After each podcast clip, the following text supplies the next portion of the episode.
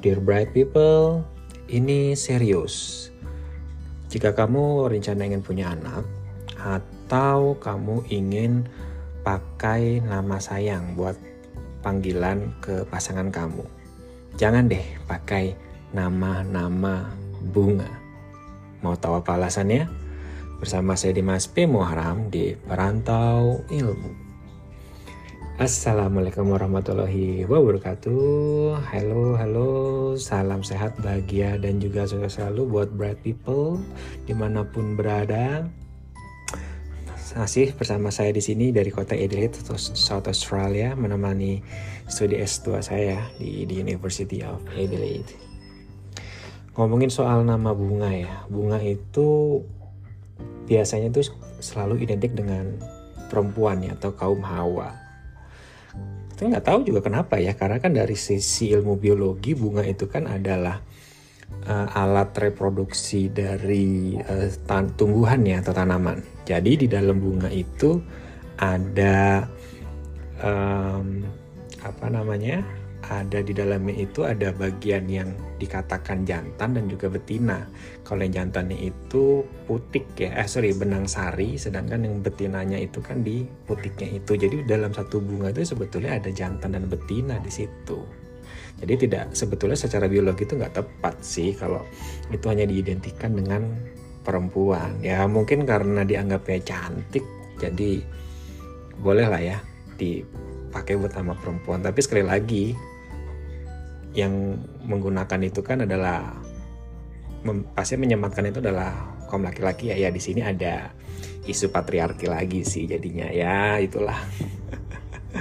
Ya itulah dunia di mana kita berada saat ini ya. Jadi ya seperti itu. Nah tapi kenapa sih saya tadi bilang di awal jangan deh pakai nama-nama bunga ya gitu.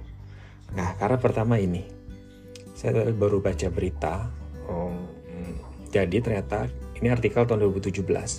Jadi pada tahun 2017 itu eh, BMKG, pokoknya badan yang mengatur soal meteorologi dan geofisika ya pokoknya yang sering bikin ramalan cuaca lah simpelnya itu ya.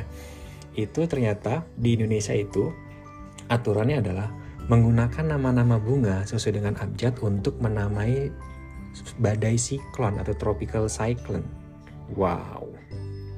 Jadi di tahun 2017 itu sudah ada empat yang dipakai sesuai abjad. Ada anggrek, bakung, cempaka dan juga dahlia gitu.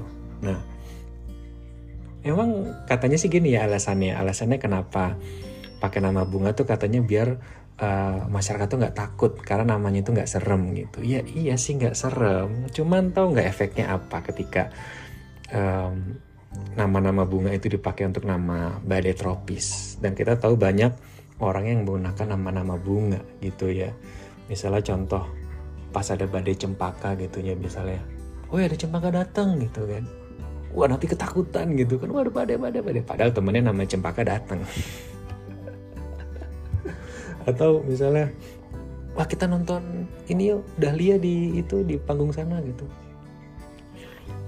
padahal pengen nonton Ace Dahlia gitu ya ternyata ada badai. Jadi nama bunga itu agak-agak riskan gitu ya karena dipakai buat nama badai. Dan ini baru sampai di tahun 2017 tuh sampai D Dahlia. Saya nggak tahu mungkin sudah ada badai flamboyan atau yang lain melati mungkin sampai melati. Nah itu kan nama-nama cewek semua ya.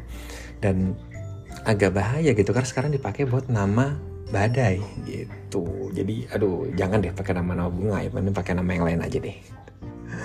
Nah berikutnya itu nama bunga itu kalau di media itu punya konotasi yang negatif banget. Sering kan kita nemu berita misalnya berita uh, ya ini biasa ada di koran-koran itu ya koran-koran kuning sih biasanya ya misalnya berita tentang kasus uh, pemerkosaan misalnya atau kasus kekerasan seksual terhadap perempuan.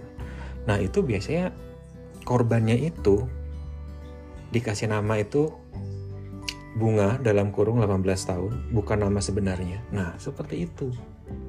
Atau misalnya mawar dalam kurung 15 tahun, bukan nama sebenarnya. Nah, itu jadinya itu nama bunga tuh akhirnya jadinya negatif banget gitu loh konotasinya. Padahal namanya bagus indah gitu ya. Tapi karena dipakai di media itu untuk sebagai mengganti atau menyembunyikan identitasnya sebenarnya dari dari korban yang sebetulnya kita juga perlu kritisi juga di situ. Apakah sudah ada konsen di situ ya dari jurnalis mengangkat berita itu ya ke korban ya? Karena ya bagaimanapun disebutkan nama atau tidak meskipun mungkin pembaca yang jauh itu nggak tahu tapi kan ya mungkin orang-orang yang dekat situ tahu bahwa oh ini dia nih gitu ya. Atau mungkin ya nanti ketika dia arsip itu ada dan baca lagi dia tahu tuh beritanya dia itu kan sangat menyakitkan ya. Itu itu satu hal sih. Tapi ya tadi bahwa menggunakan kata bunga untuk menggantikan nama victim atau korban itu kayaknya seksis banget gitu loh. Kenapa nggak pakai yang lain gitu ya. Nama-nama yang umum atau yang usah pakai nama lah gitu. Misalnya uh, yang usah disebut nama lah. Atau nggak usah pakai kata ganti. Misalnya si korban gitu ya. Kan udah selesai gitu. Kenapa harus pakai bunga. Jadi kan kayak cerita ecek-ecek gitu loh. Gak banget kan gitu. Jadi aduh nama bunga itu sudah tercemar deh gitu di dalam penggunaan jurnalistik kita. Dan itu masih banyak banyak banget digunakan seperti itu gitu. Dan masalah menggunakan nama di media ini juga ya di kalangan apa berita-berita mengangkat tentang disabilitas itu juga kadang-kadang sering ini ya sering jadi sebuah apa namanya sebuah hal yang punya tensi negatif gitu. Misalnya dengan menggunakan kata kata-kata ketika ada yang melakukan sebuah tindakan kriminal, kenapa harus disebut di situ yang diduga mengalami gangguan jiwa gitu misalnya, atau misalnya yang um, ya cacat atau yang lain-lain itu kayak kesannya kan negatif sekali gitu ya. Yang padahal kalau misalnya di sini ya di South Australia itu saya tadi baca aturannya bahwa seorang korban itu dia berhak untuk tidak diangkat kasusnya itu ke dalam berita gitu loh. Dia boleh memberikan pernyataan bahwa saya nggak mau diinterview itu boleh banget. Dan itu adalah hak dari dari si korban gitu ya untuk nggak diangkat. Apalagi kalau misalnya beritanya itu berita lokal berita lokal dan masyarakat di situ nggak banyak ya kan pasti tahu lah ini siapa gitu ya meskipun nggak disebut namanya. Makanya di sini sangat uh, yang ada dibilang tuh soal konsen konsen. Jadi harus ada konsen dari atau persetujuan dari si korban apakah dia setuju atau tidak. Gitu. Kalau nggak setuju ya udah nggak boleh gitu ya. Paling beritanya secara umum saja nggak perlu disebutkan ada korban ada apa. Apalagi kalau di kita kan kadang-kadang menyebutkan bunga dalam kurung 17 tahun bukan nama sebenarnya tapi detail banget kejadian ya tadi. Jadi akhirnya kayak cerita ecek-ecek gitu. Gitu.